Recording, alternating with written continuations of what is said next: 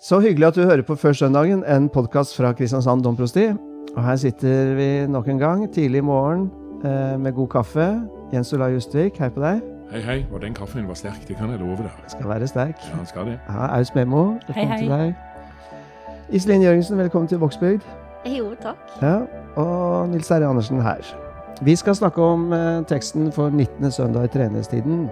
Og noen ganger er det jo sånn at eh, noen bestemmer at det skal være andre tekster enn evangeliet som vi skal preke over. Hvem er det som gjør det?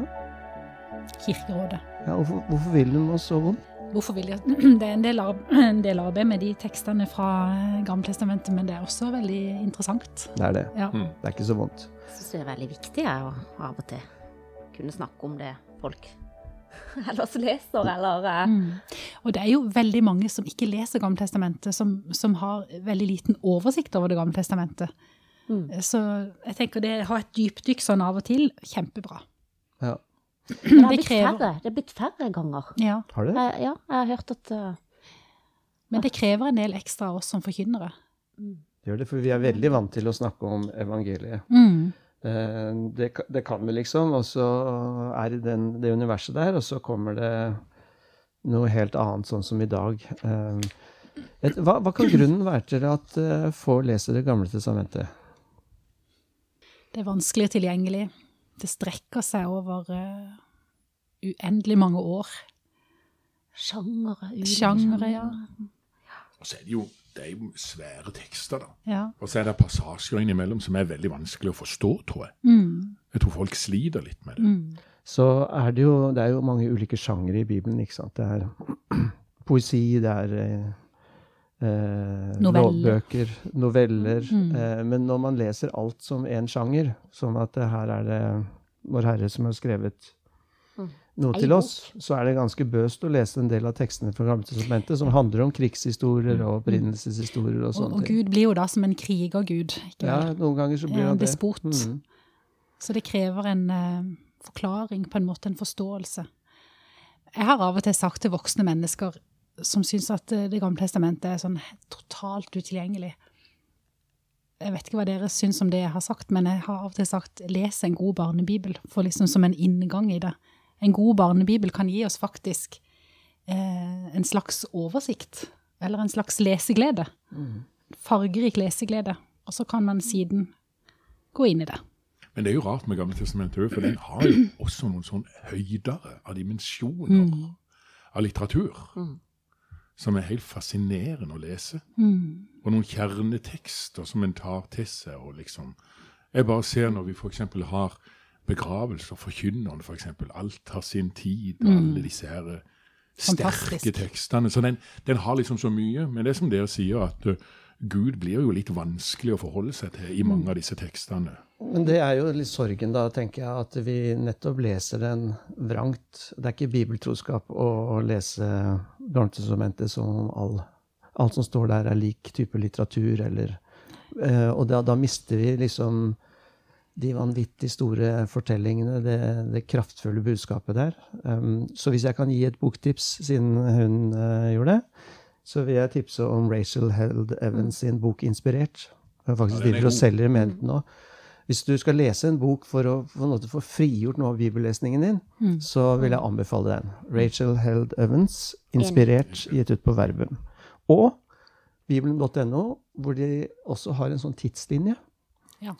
Eh, der kan du liksom den er, Det er eh, en fyr fra Kristiansand, Oskar Jansen, som har lagd illustrasjoner. Og så har de lagd en tidslinje over hele Bibelen, den store fortellingen. Det kan være ålreit å sitte og se på for å få seg en oversikt. Mm. Mm. Men ja, og liksom hendelsesforløpet. Og samtidig som det er jo eh, når vi, når vi lærer litt mer om Bibelens tilblivelse, altså det der å faktisk vite at det er blitt til, de blir skrevet ned på forskjellige tidspunkt, det er jo også interessant for, eh, for en vanlig leser, tror jeg, å vite. Veldig Når- viktig. Det når det er, ble, ja. Ja. Og dere nevnte altså, gudsbilder Mm. eh, i Gamle testamentet, men også de der vanvittige personkarakteristikkene, altså de, all den Ja. psykologien Ja. som er Arketyper, egentlig. Ja, det er, er jo veldig flott Ja, litteratur, det som du sier. Og så, er så begynner jo Bibelen også med urhistorien, som er på en måte før tiden. eh, som, som, også er veldig, veldig, viktig å vite. Hvordan, eh, hvordan skapelsen skrives om, hvordan eh, Noas ark skrives om, hvordan alt, alt liksom faller på plass med menneskets eh, syke, på en måte, med sjalusi, med sinne, med begjær, med alt dette. Og så kommer Abraham inn i bildet, og så begynner israelsfolk å vandre. Mm. Men nå er vi jo altså på femte Mosebok. Ja, og da er vi inn uh, i en del av denne opprinnelsesfortellingen uh, mm. om uh, jødene som Guds folk. Mm. Nå har de fått loven sin. Deutronomium, som det mm. heter. Siste ja. av, av de fem Mosebøkene som vi har sammen med, med jødene. Ja. Mm. Og da står det i 5. Mosebok, 30. kapittel. Disse budene som jeg gir deg i dag, er verken ufattelige eller langt borte. De er ikke i himmelen, så du må si, hvem vil fare opp til himmelen for oss og hente dem ned, så vi kan få høre dem og leve etter dem. De er heller ikke på den andre siden av havet, så du må si, hvem vil dra over havet for oss og hente dem, så vi kan høre dem og leve etter dem? Nei, Ordet er deg helt nær, i din munn og i ditt hjerte, så du kan leve etter det. Se, i dag har jeg lagt fram for deg livet og det gode, og døden og det onde. Slik lyder Herrens ord. Ja, kanskje vi skal starte litt, eller fortsette litt på konteksten eh, til denne teksten. De har fått budene. De har fått budene. Hva betydde det? Jo, det betyr, Jeg leste, og det syns jeg var interessant, det er det at israelsfolket vandrer da ut av Egypt. De, og så kommer de da ut i ørkenen, og det er der Gud gir de disse budene. Og Da syns jeg det er en sånn sterk, et sterkt element her. For det at det ofte Vi snakka om det kanskje litt før vi begynte her. Dette med budene er jo vanskelig. Loven og budene. Det gir oss visse utfordringer. Men før Gud gir israelsfolket disse budene, så sier han, og det syns jeg egentlig er vakkert, og det må jeg bare finne fram her, så skal dere høre. For da sier han bare ganske enkelt Gud talte alle disse ordene, og så sier han Jeg er Herren din Gud, som førte deg ut av Egypt, ut av slavehuset. Altså, han gir israelsfolket budene etter han har gitt de tilhørigheten. For det er tilhørigheten som kommer først. Det at de hører til i Guds omsorg og virkelighet. Og så kommer budene. Og det sier litt, og jeg tror kanskje i vår tradisjon så kommer kanskje etikken og budene før tilhørigheten. Og her er det en slags, Men her blir det snudd helt på huet.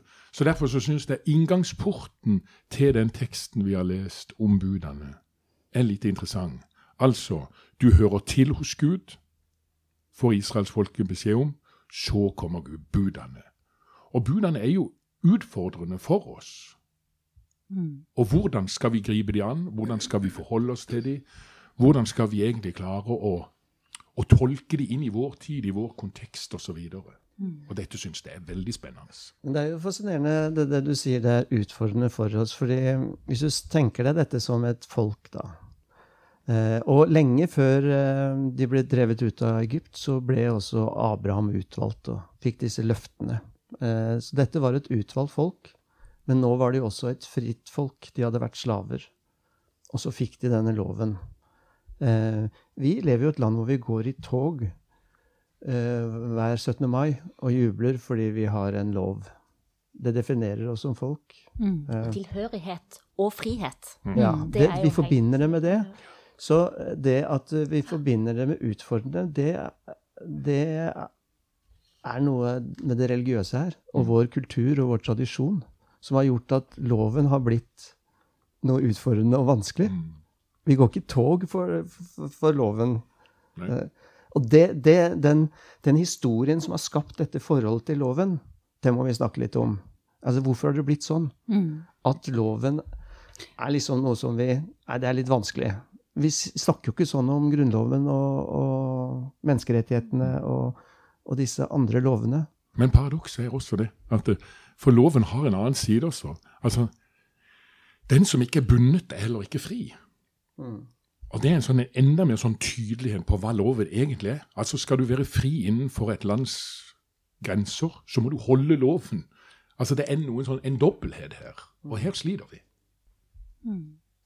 Og hvordan kommer vi videre på dette, da? Loven var egentlig gitt Det er så viktig å vite det. helt. Altså, loven var egentlig gitt som en gave, som en identitet. Som noe som statuerte de som folk, og som Guds folk. Og så har vi gått oss vill etterpå. I at loven blir en byrde.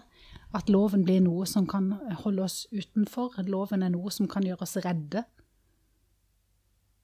når vi bryter den. Eh, ja, vi ser jo at Paulus allerede i den tidlig kristne menighet kjemper med dette hvordan man skal forstå loven. Men vi vet jo også sånn virkningshistorie av det eh, gjennom det vestlige samfunn, hvor, hvor, hvor viktig på en måte bud, de ti bud har vært altså for vår, eh, for vår samfunnsbygning. Og, og, og vi, altså dette her at at man har kanskje begynt å miste det nå, men at du skal, du, du skal ikke stjele. Hvorfor ikke? Nei, for du skal ikke stjele. Eller du skal ikke lyve. Hvorfor ikke det? Nei, for du skal ikke lyve. Eh, Det er klart det har gjort, det har gjort noe veldig godt med i hvert fall vårt samfunn. At vi kan stole på den som At vi har kunnet stole på den som eh, selger oss noe. Det er noe som er absolutt galt. Noe Mm. som er absolutt riktig. Ja. Men hvis vi nå forflytter oss fra femte Mosebok til evangeliene, så handler jo evangeliene mye om Altså det er jo mange fortellinger hvor vi ser hvordan loven blir brukt kjærlighetsløst og rigid. Som, eh, ikke som et vern mot mennesket, men som at man verner loven, ikke vel? Hvis noen er sultne, nei, man kan ikke gi dem mat for det er sabbat. Hvis noen er syke, nei, vi kan ikke legge hånda vår på dem fordi at de er ureine. Eh, så mange gode ting som man ikke kunne gjøre fordi at loven nekta oss det. Og det er jo det Jesus kommer og tar et oppgjør med. Og blir den nye loven. Det er faktisk samrit, den samaritanen som kommer utenfra, som, som ser hva som er riktig å gjøre. Ja. Fordi de andre har liksom Mm.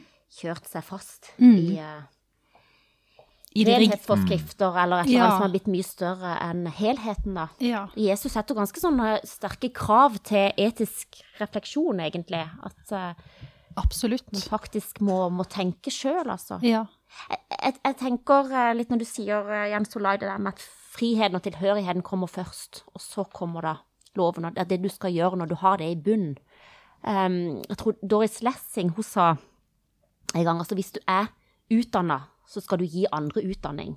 Altså hvis du er fri, så skal du gi andre frihet. Det er akkurat som at, eh, at det er dette her Gud sier til, til jødene. Nå er dere frie. Nå skal dere jobbe videre for frihet. Altså, dere har en lov i hendene. Menneskerettighetserklæringa kom etter annen verdenskrig. Nå har vi sett hvordan det går. Vi må ha noen retningslinjer i, i verden, liksom. Um, Men det er jo krevende. Jeg, Dette er veldig interessant. Men jeg tenker på Jesus hadde jo òg kjempetrøbbel med loven. Altså, tenk på dette han møter overfor fariseerne. Han krøyster de jo nærmest for deres lovbruk. Så det er klart at det, når Jesus kommer, så er det et eller annet helt radikalt nytt som det er kommer inn. For Og jeg syns det er litt sånn spennende, at det, han sier det at det, 'jeg er ikke kommet for å oppheve loven'. Så, så, så på et eller annet måte han, er- han nyskaper han på et vis. Slik at vi mennesker skal leve fritt. Og da kan du tenke, ta, gjerne ta inn Doris Lessing og alle disse. Det er kjempefint. For det er midt i grader det han gjør. For han går inn og så reformulerer loven på et eller annet vis. Men han er jo egentlig enda hardere gjennom f.eks. bergpreken. Når han drar til. Og det er litt interessant. Men alliavel, hva er kjernen da i Jesus sitt budskap mot loven? Det er jo det at før Jesus kommer, så er det loven som gjør oss rettferdige. Ja. Og så kommer Jesus og er rettferdigheten. men her vil, her vil jøder i dag arrestere oss. Jeg må bare si Det er si viktig, det. det er viktig. Fordi at, det- at Jesus det var også en tradisjon der fariseerne hele tida var i diskusjon. Mm. Eh, sånn at eh, Men den kan vi jo se, faktisk, at de, de diskuterer jo hva er det største bud. Ja. Det er jo, får jo Jesus et spørsmål om fra en fariseer, og det er en diskusjon de har. Um, underforstått at eh, de kan jo ikke forstått det sånn som at Gud har gitt alle disse lovene, og alle er like viktige. Noe eh, oppheves der. Og de hadde f.eks., bortsett fra mobben eh, rundt omkring, hadde jo slutta å steine og sånt på Jesu tid, som en, som en vanlig straff. Selv om den liksom står i, står i loven. Så de har jo tolka loven, de òg. Den, den evangelieteksten som også skal leses på søndag, den sier jo litt om, om hvordan Jesus på tempelplassen begynner å undervise, og de rundt han liksom undrer seg hva er det Hvorfor har han så mye kunnskap, han som ikke har noe opplæring? Um, så det er vel det kanskje vi som kristne liksom løfter frem. At, eh, at Jesus kommer inn med en, en lære av Gud, da, som eh, bare i kraft av å være seg sjøl. Mm, men han kommer også i en tradisjon. Det er, bare litt sånn viktig for oss å, å huske på. Mm. Men, men er det det du sier da, at eh, loven er egentlig Det er noen vanskelige greier for enhver tid, enhver kultur, enhver situasjon former loven etter det samfunnet vi lever i. Og så kan du si, og det føler jeg i hvert fall i vår oppvekst, eller i min oppvekst, så kan jeg si at eh, loven i den forstand har gjort mye rart, og mange sliter med en lov. Altså, går vi tilbake 20-30 år, så det å eksempel å danse i kirka var i hvert fall i en god del uh, situasjoner var helt umulig. I dag, I dag har vi lov, ikke sant? Men, men hele tiden, derfor er loven er, er, er jo noe veldig sånn tidsbestemt, og allikevel må stadig jobbes med. Og det er derfor det er så viktig at vi av og til har disse tekstene hvor vi får snakka om hva er egentlig loven? Hva er egentlig rettferdighet? For, for uh, vi har, som du sier, i kristne sammenhenger rundt omkring i landet på ulikt vis lagt til så mange bud som handler om hva som ikke hva som er synd, hva som er upassende, hva vi skal skamme oss for. Gjort folk ufrie. Eh, og av og til også en, eh, gitt en redsel for å havne utenfor. D- Dette vet vi veldig mange historier på, og vi har til dels erfart det sjøl. Det er et godt stikkord eh, som har gjort folk ufrie. fordi det er vel denne lovens intensjon var jo nettopp å gjøre dem frie. De kom jo som slaver. Og, eh, og denne dagen sluttet de å være slaver. De ble et folk. Um, og et godt eksempel er jo at eh, Det leste jeg når pandemien satte i gang i mars for halvannet år siden. Da begynte jeg å lese den boka som jeg alltid stopper opp med, Tredje Mosebok. Men da syntes jeg det var litt moro å lese den. Og der er det flere kapitler på rad som er rein smittevern. Og ut, altså, det, hva slags karantener det ene og det andre utløser, og at man skal holde seg unna og sånne ting. Og det sier seg jo selv da at eh, å holde på smittevernsregler for en type, noen type utfordringer eh, en tid, i all evighet, det, det gjør man jo ikke. Eh, Så vi kommer jo til å møte en pandemi om 500 år på en annen måte enn det vi gjorde nå. Vi kommer ikke til å hente fram de samme reglene. Så loven er jo eh, Lovens intensjon er evig, men eh, alle disse 612 eller hva det er for noe, eh, bud og forskrifter og regler, de Hvis de holdes evig, så blir det galskap. Ikke sant? Derfor diskuterte de hva er det liksom det største, og det jeg syns Jesus måte, er så radikal på, er at det er liksom ett bud. Etterlater jeg dere. Dere skal elske hverandre som jeg har elsket dere. Um, Bekreftelsen igjen. ja. ja. Det som setter mennesket Det fri. kjører i høyden, som du sier. Og da kan det komme på en måte nye Selv om vi, vi skriver dem ikke i stein lenger, men det kan komme nye ting, eh, altså etiske fordringer for oss. For eksempel nå er det noe med klima å gjøre. Det er en etisk fordring. Eh, Der, der må vi tenke ut fra dette ene bud. Du skal elske Gud og sin neste. Eh, Hva er det å elske Gud i møte med, med klima? Han har gitt oss dette skaperverk, f.eks. Så der syns jeg på en måte at eh, det kan godt hende Jesus overtar på en måte en, en kultur som jødene allerede har begynt på, men han er veldig radikal når han eh, griper fatt i lovens intensjon, Um, som er kjærlighet. Jeg syns bare det at når du følger Jesus opp igjennom, og det syns jeg faktisk Etter jeg ble prest, syns jeg det er faktisk noe av det gøyeste jeg vet hver søndag. Å se hva er det nå du finner på. For det at det sånn, Han trosser så mange sånne tabuer opp igjennom. Og Bare ta de to siste søndagene som vi har hatt når enken i Nain og, og offiseren nå sist. Og teksten før offiseren er han berører en spedalsk. Jeg sitter og tenker på altså, hvor mye han han, han, han, han, river opp noe som, som, som, er allerede etablert i dette samfunnet, og tenker helt nytt om det. Og gir oss stadig nye sånn input i hva det vil si å elske. Å elske de neste. Jo, det er faktisk å berøre noe ureint. Som var opplest og vedtatt. Det er jo temmelig radikalt. Ja. Det syns jeg er veldig interessant, det der med uren ren. Den derre uh, frykten som jo uh, på en måte er berettiget. At noe kan komme utenfra og gjøre oss urene eller ødelegge samfunnet vårt eller som mennesker. Uh, det kunne disse sykdommene gjøre. Det var kanskje derfor Jesus ikke ble født i et hus, fordi at de hadde regler for fødsler, og da var det karantenetid og alle sånne type ting. Men um, hvor Jesus er så grenseløst frimodig på det som kommer At det som kommer innenfra, eller fra Guds rike, er sterkere enn det. Så han er så uredd for det urene. Mm. Og så er han så trygg på det rene. Han, og det topper seg når han sier 'Hva skal jeg sammenligne Guds rike med?' Det er som en surdeig, sier han. Mm. Og surdeigen har jo vært symbolet hele veien for nettopp det derre faren utenfra som kan komme og og, ødelegge og gjennomsyre samfunnet vårt. Men Jesus istedenfor å si 'ikke røre', så sier han 'rør meg'. Eh, det er ganske sterkt. Og jeg tenker på i vår tid og hvor redde vi er for at kulturen vår skal bli ødelagt ved at folk kommer inn i vårt land med en annen religion og en annen kultur. Det er jo egentlig en fallitterklæring. Ja. At vi ikke har tro på, vi har ikke tro på eh, vår egen religion og vår egen kultur og vi tenker ikke hele menneskeheten. Som, altså, som Jesus, så typisk Jesus hele tida liksom trekker inn utenfor skapet, eller at det åpner opp for det utvalgte folket, at det er hele menneskeheten. Det burde vært et bud som sier at kommunen ikke skal klippe plenen utenfor ja. For nå hører jeg bare den der maskinen der. Ja. Men det står ikke.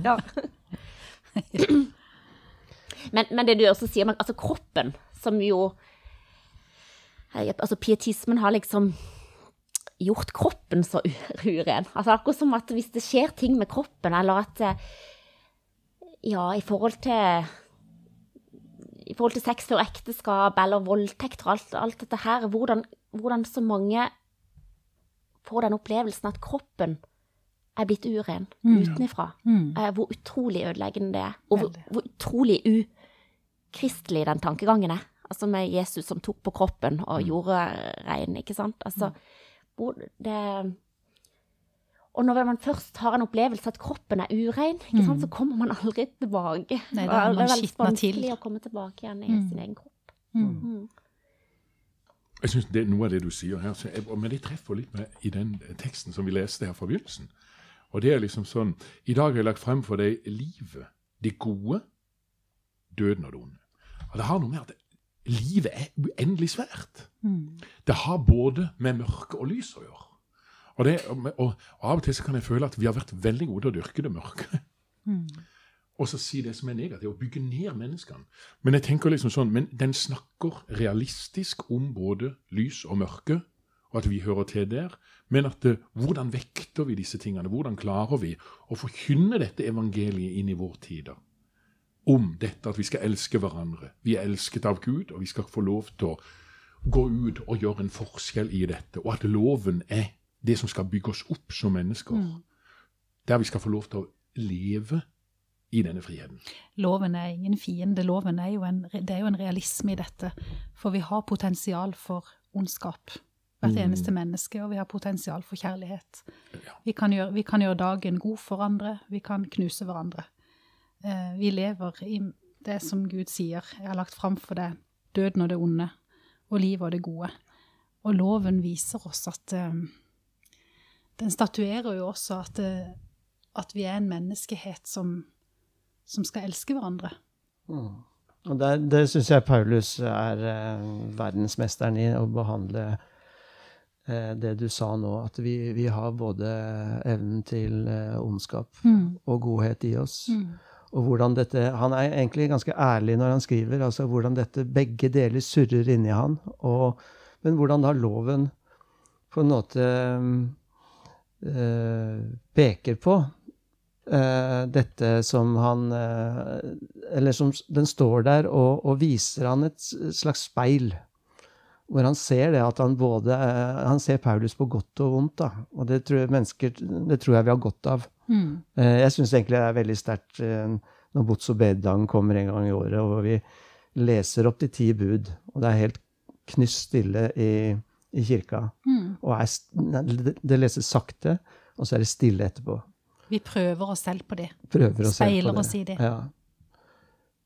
Vi trenger en, vi trenger en lov, Mm. men det er ikke loven som gjør at uh, vi blir utvalgt av Gud. Det er vi i Jesus Kristus.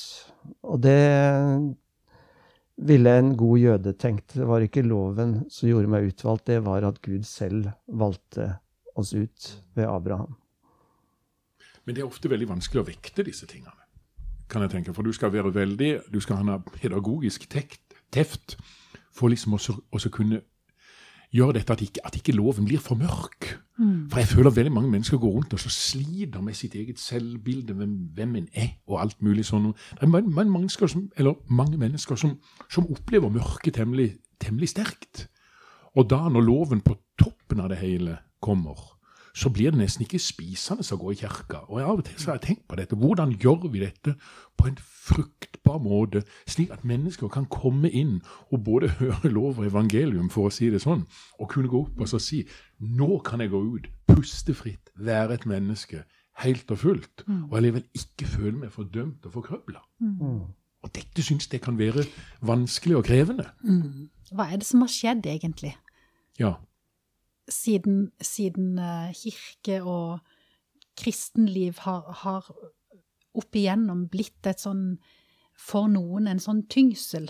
Altså Han tar ikke glansen av livet. Det er jo mange som har opplevd at Jesus har tatt glansen Ja, av livet. absolutt. At det var ikke lov å være ung, på en måte, med alt det det innebærer av glede og av prøve seg litt og, og sånn.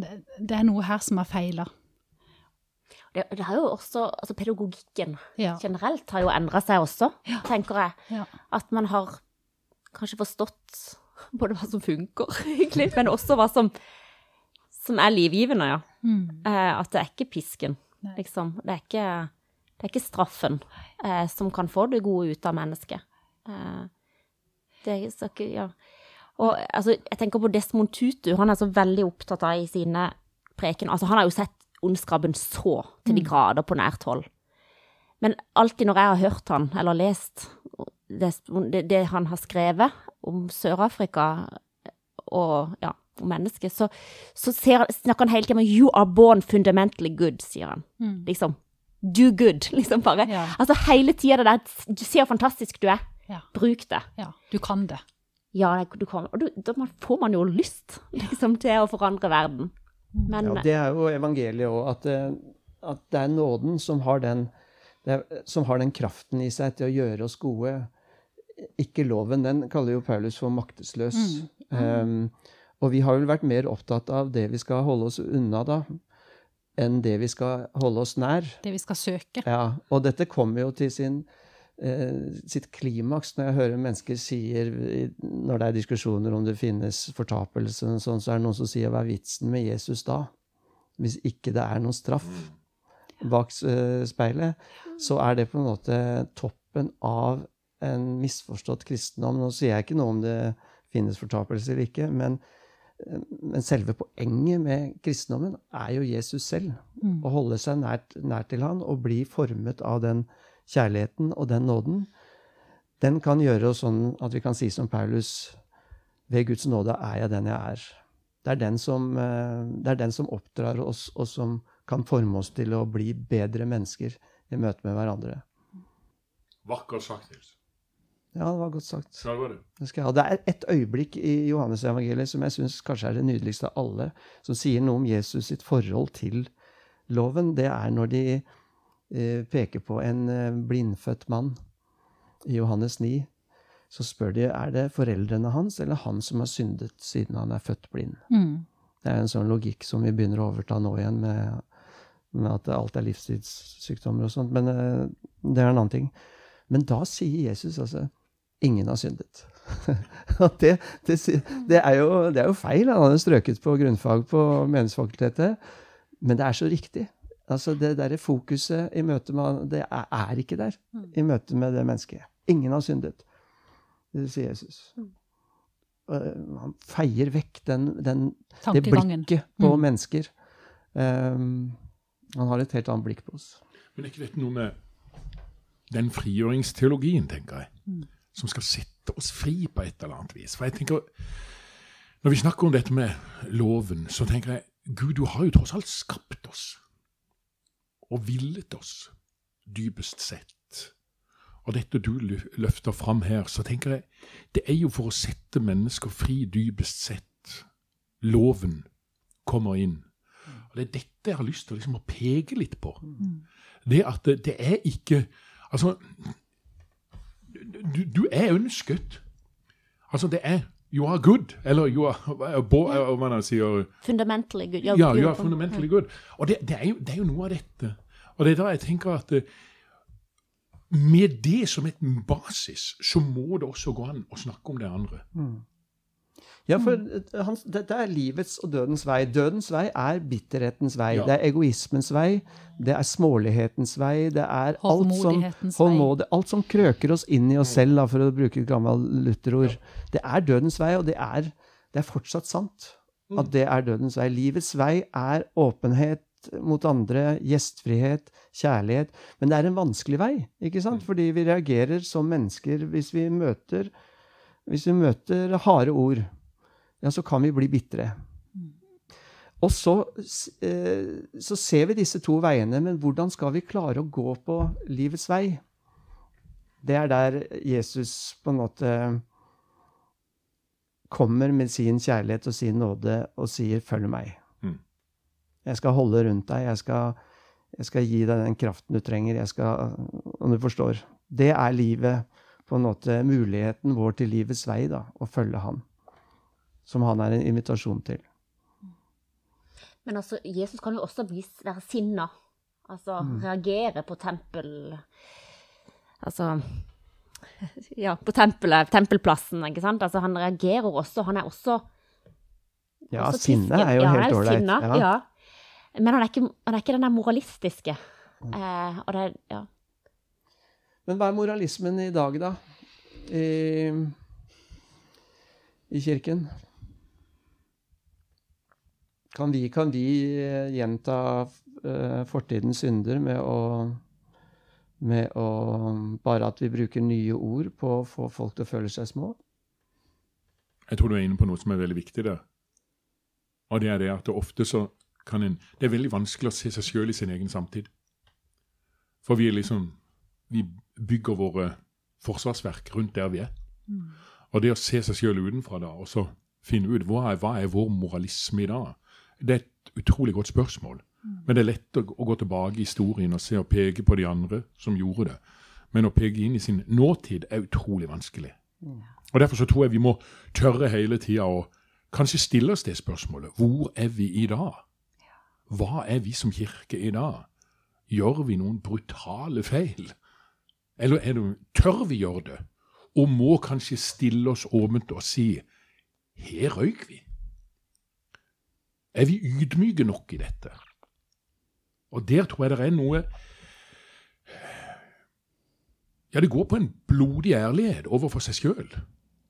Og stadig er vel det kanskje det spørsmålet vi bør stille oss, og ikke minst når vi er prester. Hva er det vi sier? Har vi dekning for det? Og tørre det? Enhver tid har mange må og skal og bør. Ikke sant? Mm. Kanskje er alls forkynnelse om må, skal, bør, skulle gjort eller uh, du skal, uten dette evangeliet som sier at uh, i dag vil jeg ta inn hos deg moralisme på en eller annen måte. For det er så, det er, vi har en sånn bunnløs tro på kunnskap i vårt samfunn. Vi, vi vet jo så inderlig vel hva som er rett og galt i de aller, aller fleste situasjoner. Vi vet jo hvordan verden kan reddes, alle sammen. Nesten helt fra grunnskolen av. Men vi klarer det ikke. Eh, og vi kan høre og høre og høre hva vi burde ha gjort, uten at vi forandrer oss en puck. Vi trenger denne kjærlige kraften som gir oss lyst og vilje til å gjøre det. Kanskje er det der uh...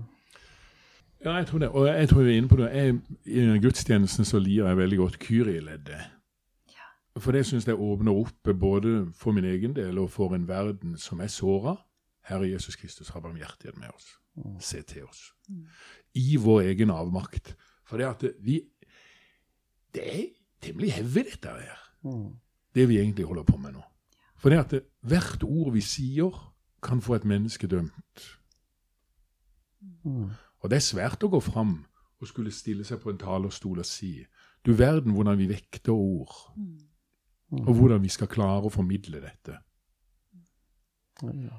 Kyrie trenger vi alle. Det er et urskrik, ikke vel? Det er urskriket. Mm. Miskunn deg over Ja. oss. Se oss og miskunn deg over Ja. oss. Og så er det deilig at det kommer fra en blind. Mm. Mm. Han ropte i en folkemengde Mm. og ble hørt. Men, men det er viktig, at vi er en menneskehet. Eh, altså det, er, som er, det er ikke enkeltindividet som skal bære alt dette her på en skuldre, altså. Mm. Loven er til for oss alle, altså menneskeheten og ja, hele skaperverket, egentlig. Mm. Eh, og det er da det er så godt å, å synge eller rope Kyrie sammen. Mm. Og vi blir helt nødt til å ha hjelp i, Mm. i denne kri- klimakrisa. Eller sånn. Vi kan ikke klare det som enkeltmennesker. Så det nytter ikke å stå og skrike om at uh, hver og enkelt, altså vi må gjøre noe sammen.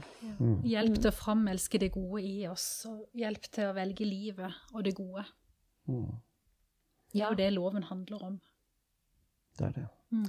Og jeg, jeg syns det er fint hvordan pandemien har minnet oss på liksom de nære ting. Det går an å feriere i området her. Vi trenger ikke å fly til andre sida av jorda. Altså, noen ganger så handler det om å åpne øynene på en annen måte.